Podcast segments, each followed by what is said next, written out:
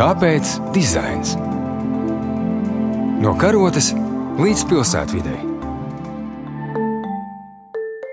Labdien, darbie radioklausītāji! Ar jums studijā ir raidījums Kāpēc dizains? Mūsu diskusija šodien būs veltīta dizainam, ar ko saskaras un kuru savā ikdienā izmanto patiesi liels cilvēku skaits. Mēs runāsim par dizainu publiskajiem pakalpojumiem. Analizēsim esošo situāciju, spriedīsim par pozitīvajiem un mazāk veiksmīgajiem piemēriem Latvijā un domāsim par to, kas liedz vai kas motivē realizēt kvalitatīvu un lietotājiem draudzīgu dizainu valsts pārvaldē. Ar mani kopā šodien ir zinoši viesi, Valsts kancelējas inovācijas laboratorijas GovLab Latvija vadītāja Laura Dimitrieva, kā arī CSDD tīmekļa vietnes un Liepājas pašvaldības mājaslapas dizaina un izstrādes autori Vronga Digital pārstāvi, dizainera Līga Felta un aģentūras vadītājs Artis Krilovs. Mani sauc Laura Dimitrieva, un, ja man būtu jāatbild uz jautājumu, kas ir labi dizainēts pakalpojums, tad eh, es teiktu, ka tas ir tāds pakalpojums, kur nav nepieciešami septiņlieki soļi, un cilvēkam arī nav sajūta, ka ir šie septiņlieki soļi. Es esmu Artis. Un, ja man būtu jāatbild uz jautājumu, kas ir eh, labi dizainēts eh, publiskais pakalpojums, tad es teiktu, ka tas ir tāds, kurš ir veidots iekāpjot gala patērētāju, gala lietotāju kurpēs. Es esmu Līga, un, eh, ja man ir jāatbild eh, uz jautājumu, kas ir labi dizainēts eh, publiskais pakalpojums, tad tas noteikti atbild uz lietotāja vajadzību ļoti skaidri un vienkārši. Un reizē ir arī ļoti svarīgi, lai šis pakalpojums ir iekļaujošs tādā veidā, ka tas ir pieejams dažādiem cilvēkiem. Arvien biežāk un arvien ātrāk valsts institūcijas visā pasaulē šodien pārņem privātā sektora pieredzi ar dizainu, kur vairākus desmitus lielas dizaineru komandas vienā uzņēmumā vairs nav retums. Taču interese par dizainu publiskajā sektorā radās līdz ar digitālo revolūciju 2000. gadu sākumā. Pakāpeniska pakalpojumu digitalizācija kļuva par iemeslu tam, ka visā pasaulē tika caurskatīti un atbilstoši mūsdienu lietotāju vajadzībām uzlaboti iepriekš gadu desmitiem nemainīgi pakalpojumi. Austrālija un Lielbritānija tolaik kļuva par pirmajām valstīm, kur valsts pārvaldē tika pieņemti darbā digitālie dizaineri un izveidotas digitālo pakalpojumu izstrādes grupas. Pēc tam viņa paraugam sekoja arī Kanāda, Skandināvijas valstis ar kvalitatīvu digitālo pakalpojumu, kā mēs zinām, startautiski pazīstama ir arī mūsu kaimiņu valsts Igaunija. 2012. gadā savu darbu uzsāka arī Lielbritānijas valdības digitālā vietne GoUK, kas pavisam drīz kļuva par startautiski atzītu standartu un kvalitātes latiņu publisko pakalpojumu dizainā. 2013. gadā šī platforma tika apbalvota arī ar prestižo Londonas dizaina muzeja balvu. Šobrīd Lielbritānijā ir nodarbināti desmit vadītāja līmeņa dizaineri, 800 dizaineri valsts digitālajā dienestā un citos departamentos, 2000 satura dizaineri un 700 pētnieki. Latvijas publiskajā pārvaldē pagaidām vēl nav savas dizaineru komandas, taču arī pie mums ir izstrādāti vairāki veiksmīgi digitālo pakalpojumu piemēri, un tas, cerams, ir labs sākums pārmaiņām. Līga un Arti esmu aicinājusi jūs abus ciemos, jo gan CSDD lapa, gan Liepājas pašvaldības digitālā vietne demonstrē lietotājiem draudzīgu dizainu. Un abas šīs lapas mudina saņemt informāciju un lietot publiskos pakalpojumus tiešsaistē. Izstāstiet, lūdzu, ko no praktiķu viedokļa nozīmē dizainēt pakalpojumus tik plašam lietotāju lokam. Ar ko sākt un kā panākt to, ka visiem, neatkarīgi no vecuma, no izglītības vai fiziskā stāvokļa, šie digitālie pakalpojumi ir pieejami? Abos šajos projektos, gan Liepājas gadījumā, gan CSDD gadījumā, tas atslēgas vārds patiesi bija pieejamība un pieejamība dažādos aspektos. Mēs katrs esam dažāda līmeņa tehnoloģiju lietpratēji. Ir tādi, kas ir vairāk avansēti lietotāji, un ir tādi, kas ar tehnoloģijām ir uz jums.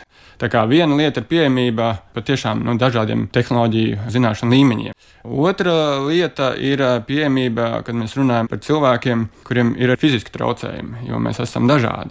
Un šeit atkal piemērs no Liepājas, kur kolēģi speciāli devās uz Liepājas neredzīgo biedrību, lai runātu, uzklausītu, izprastu, un tad arī radās kontrasta režīmi, visi burtu izmēri, lai arī cilvēki ar fiziskiem traucējumiem varētu informāciju uztvert. Ar kādām grūtībām jūs saskārāties? Ar ko šī pieredze varbūt bija atšķirīga no citām? Jā, nu jāsaka godīgi, ka publiskais sektors ir vairāk tendēts uz sevi. Publiskajam sektoram patiešām ir nedaudz grūtāk iekāpt tā gala lietotāja kurpēs.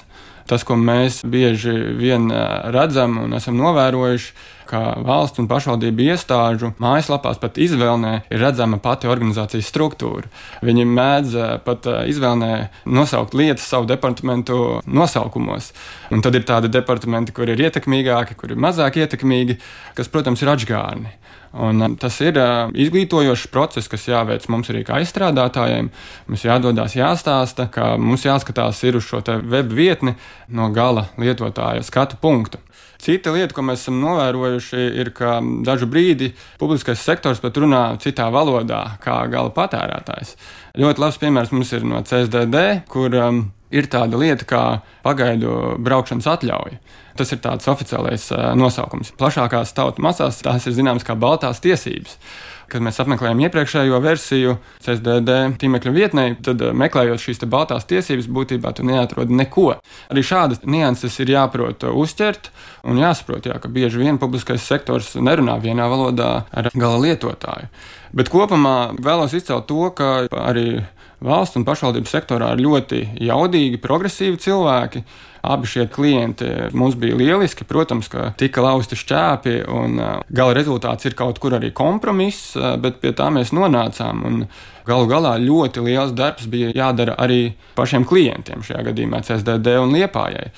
Jo tas nozīmēja arī ļoti lielu darbu pie satura pārstrādes, pārrakstīt tekstus, strukturēt tekstus, pielāgoties tai informācijas struktūrai, kādu mēs piedāvājām, un arī iet visiem kopā ar mums šajā izpētes fāzē, četru mēnešu garumā, saprast, izprast un mainīties. Visbeidzot, jāmin, ka nu, testēšana notiek visu mūžu. Par dizainu runājot, ir jāsaprot, ka tas nekādīgi nevēlas pakļauties projekta formai. Dizains ir tāds, kurš elpo, kurš ir visu laiku jānovēro, visu laiku jāslīpē, jāuzlabo.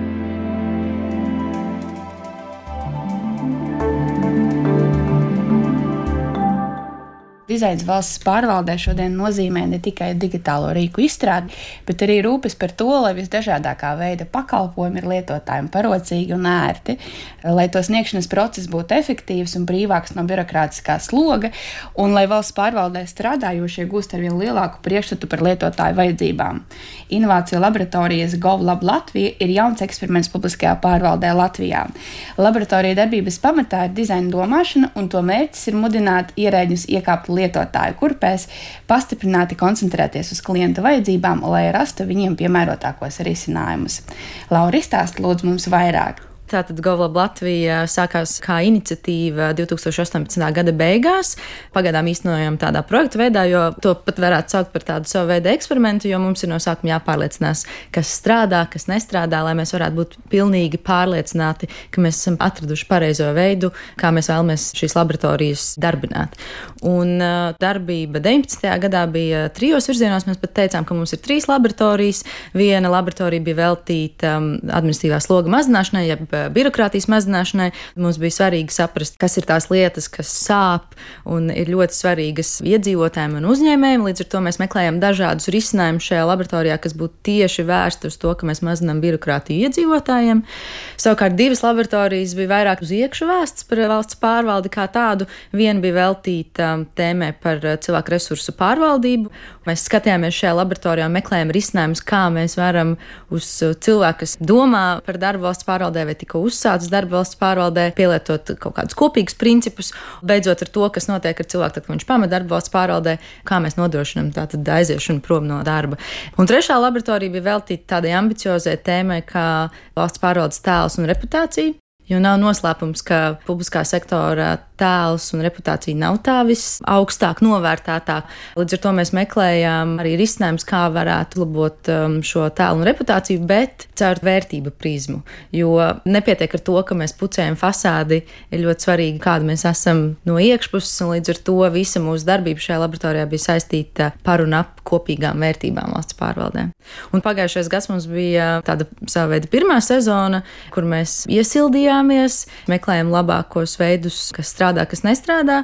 Rezultātā mēs nonācām pie 16 prototipiem. Mums bija vairāki mazi projekti, kuros mēs risinājām dažādu veidu problēmas. Sākot ar kā jauns darbinieks, kurš sāk strādāt kādā iestādē, kāda ir viņa pirmā darba diena un kā organizācijai būtu jānodrošina darbinieka integrēšanās process savā organizācijā, beidzot ar tādiem sarežģītiem risinājumiem, kā uzlabot procesu obligātajām veselības pārbaudēm vai kā digitalizēt preču pārvadāšanu Latvijas teritorijā. Līdz ar to mūsu prototipi un problēma jautājumi bija ļoti dažādi. Ir prototipi, kas ir uzsākuši savu dzīvi jau ārpus laboratorijas. Tāda aktivitāte, kas saucās ierēdnis ēno uzņēmēju, tā bija ekonomikas ministrija, kas eh, rezultātā šo aktivitāti īstenoja, bet ideja kā tāda tapa tieši laboratorijā. Mēs ļoti priecājamies, ka ekonomikas ministrija gāja soli uz priekšu un pilotēja šo aktivitāti arī dzīvē. Vai līdzīga praksa tiek ieviesta arī citviet pasaulē, vai mēs esam um, unikāli? Nē, mēs noteikti neesam unikāli, jo šādas laboratorijas pasaulē ir ļoti, ļoti daudz. Un tas galvenais iemesls, kāpēc tām laboratorijām nav vēl tāda fundamentāla, pārliecinoša darbība visā pasaulē, ir tas, ka cilvēki joprojām uzskata, ka inovācija un dizains ir tikai kaut kas papildus. Kaut kas tāds, ka, ja mums atliks laiks, tad mēs to darīsim. Bet um, tajā pašā laikā ļoti daudz valstis, kas ir panākušas to, ka šādas laboratorijas ir būtiska sastāvdaļa no publiskā sektora sektora. Te es varu minēt piemēru. Nīderlandē ir eh, vairākas laboratorijas, bet viena laboratorija, ko man arī bija iespēja apmeklēt, līdzīga analoģija būtu mums eh, Latvijā valsts eh, sociālās apdrošināšanas aģentūra, un viņiem savā aģentūrā ir laboratorija, kas saucās Novum. Tur strādā 15 cilvēki ikdienā, kas tieši rūpējas par šīs aģentūras pakalpojumu attīstību un inovēšanu no šīs organizācijas perspektīvas. Mēs ļoti ceram, ka mēs ar laiku ar vien vairāk varēsim palīdzēt ikvienai iestādē, kur vēlēsies inovēt, varētu nodrošināt savu metodoloģisku atbalstu un izpratni par to, no kuras puses sākt un kā to labo dizainu ar vien vairāk ienest publiskajā sektorā.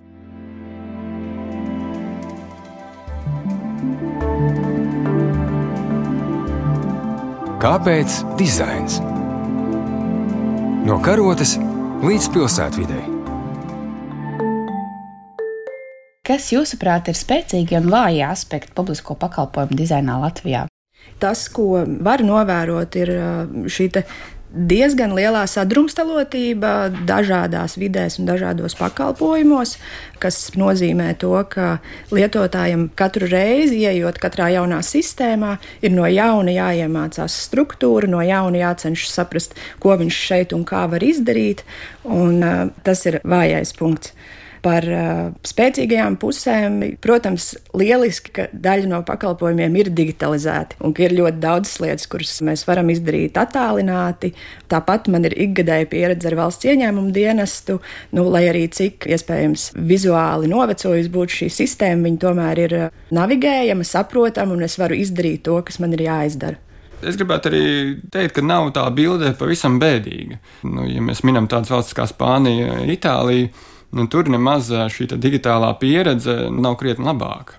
Es savā dzīvē vienmēr cenšos to izveidot par tādu kā spēli vai izaicinājumu. Mēģināt šo pakalpojumu izdarīt tepat mājās, varbūt pat vietā runī, un neaiziet līdz tai institūcijai, neiet no vienām durvīm pie nākamajām, bet mēģināt to izdarīt pats. Jāsaka, godīgi, ka tas ir vēl joprojām citvieta izaicinājums, bet to var izdarīt. Jautājums ir, cik tas ir intuitīvi, cik tas ir vienkārši. Sākot ar tām netik stiprajām pusēm, pirmais, kas man nāk prātā, ir jau redzījuma sākumā minētais, ka mums nav vēl tādas spēcīgas kopienas. Ja Lielbritānijā ir zināms skaits cilvēku, kas strādā publiskajā sektorā un sevi var saukt par dizaineriem, mums tā nav. Bet labā ziņa ir tāda, ka mēs par to domājam. Un paies noteikti pāris gadi, līdz mēs arī nonāksim līdz tam, ka mēs varēsim pateikt, ka mums strādā dizaineri publiskajā sektorā. Un e, ar vārdu dizainers es domāju ne tikai tos, kas strādā digitālo dizainu, bet visa veida dizaineri, informācijas dizaineri, pakalpojumu dizaineri, politikas dizaineri. Tā ir aktuāla tēma, jo dizainēt var ne tikai tiešām digitālu pakalpojumu, bet dizainēt var principā jebko, tā skaitā arī veidot politikas. Otra lieta, pie kuras mums būtu jāpiestrādā, ir, ka mums tā dizaina domāšana nav tik standartizēta publiskajā sektorā. Ja mums, kas mēs pēdējos gadus aktīvi darbojamies ar šo tēmu, liekas, ka visi taču par to zina un visi par to runā, patiesībā sakot, lielākajai daļai publiskā sektorā strādājošo joprojām nav ne jausmas, ko tas nozīmē. varbūt ir saprotams vārds dizains, bet kas aiz tā slēpjas, nav īsti saprotams. Un to nevar pārmest šiem cilvēkiem. Mums vienkārši ļoti daudz jāstrādā noteikti vēl pie tā, lai mēs izglītotu viens otru, dalītos pieredzē un runātu par šo labo praksi, tā skaitā arī runāt par to, kas strādā, nestrādā. Un uh, trešais, mums jādomā par resursiem, tāpēc ka dizainam ir nepieciešami resursi. Mēs nevaram domāt, ka dizains nozīmē tikai satiekamies uz divām stundām darbnīcā, salīmējam krāsains lapiņas, un tas ir dizains. Dizains nozīmē ieguldīt ļoti daudz cilvēku resursus, laiku, protams, arī budžetu, ja ir jānonāk līdz prototipu ieviešanai dzīvē, bet jebkurā gadījumā mums tam ir jāatvēl resursi. Tā ir varbūt pagaidām tā vājā puse. Bet par spēcīgiem aspektiem mēs esam neliela un kompakta valsts, līdz ar to mums ir salīdzinoši vienkārši ieviest lietas dzīvē. Ja mēs nonākšu pie šiem prototipiem, tad ir liela varbūtība, ka mums to Latvijā ir izdarīt daudz vienkāršāk nekā citās valstīs. Mums tomēr ir priekšrocības šajā ziņā.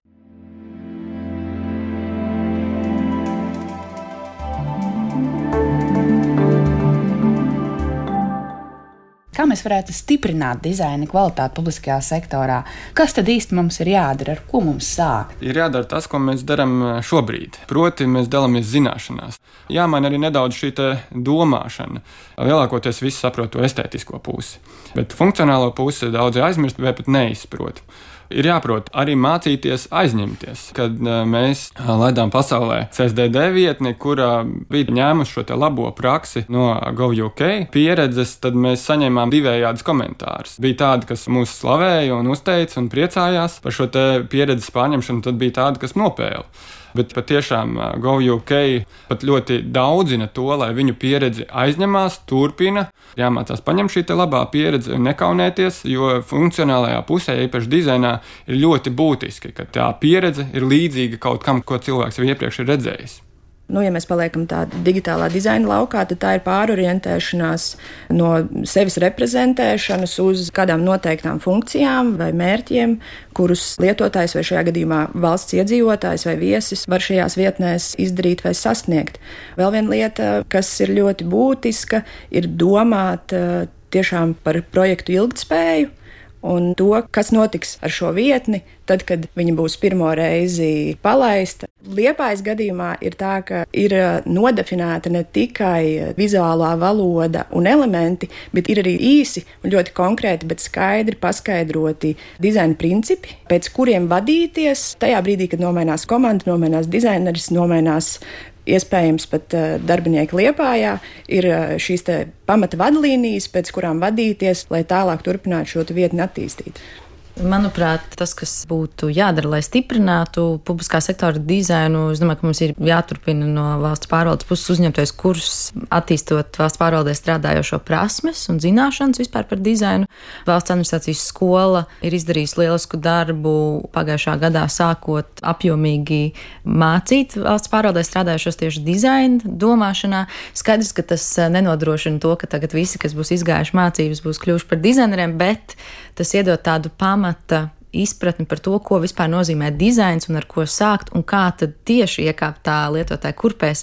Jo, manuprāt, um, nekad jau nav diskusija par to, ka mums būtu jānoliek centrā tas cilvēks. Parasti izaicinājumi sākās tur, ka mums praktiski tiešām tas beidzot jādara un nav jau saprotams, bet ar ko sākt. Un otrs ir uh, noteikti jāturpina veidot kopiena Tai nav jābūt tikai sastāvošai no cilvēkiem, kas strādā valsts pārvaldē, kopienai jābūt pēc iespējas daudzveidīgākai, un tajā jāiesaistās arī, protams, dizaineriem un cilvēkiem, kas ir saistīti ar dizainu arī no citiem sektoriem. Iepirkumi arī ir nu, nedaudz sāpīgs temats. Iepirkumi mēdz būt dažādi, un tad ir tādi konkursi, tenderi, kur pat uh, nav nospraustas šīs prasības satikt gala auditoriju, prasība veikt izpēti, prasība pēc testiem. Un šādos konkursos mēs arī ļoti ātri saprotam, ka mēs nevaram piedalīties. Vienmēr jau tiek meklēts saimnieciski izdevīgākais piedāvājums, kas, protams, ir pareizi un viss ir korekti. Bet, ja būtu katru reizi tomēr atrunāts, kādam procesam būtu jāiet uh, cauri, es domāju, ka rezultāts arī biežāk būtu daudz labāks labāks. Kopumā publiskajam sektoram ir jācenšas saprast, ka dizains nav tikai izmaksu pozīcija. Ir vērts investēt izpētē, ir vērts investēt dizainā. Man liekas, ka mums arvien vairāk vajadzētu diskutēt par šādu tēmu, kāpēc dizains, jo ļoti bieži tas ir aktuāls jautājums publiskajā sektorā. Un es domāju, pateicoties tam, ka mums būs arvien vairāk šādas diskusijas, mēs arī audzēsim to izpratni par to, ka dizainam ir ļoti liela nozīme publiskajā sektorā. Ļoti jauki novēlēšu mums visiem konstruktīvu diskusiju un sarunu par dizainu. Paldies, kas atnācāt! Paldies par sarunu! Paldies, Paldies. par uzaicinājumu! Raidījumu vadīja Jelena Solovjova, montēja Andra Černievska, raidījums tapis ar valsts kultūra kapitāla fonda atbalstu. Kāpēc dizains? No karotes līdz pilsētvidai. Pirmdien, 9.5. ar atkārtojumu sestdien, 18.18. 18.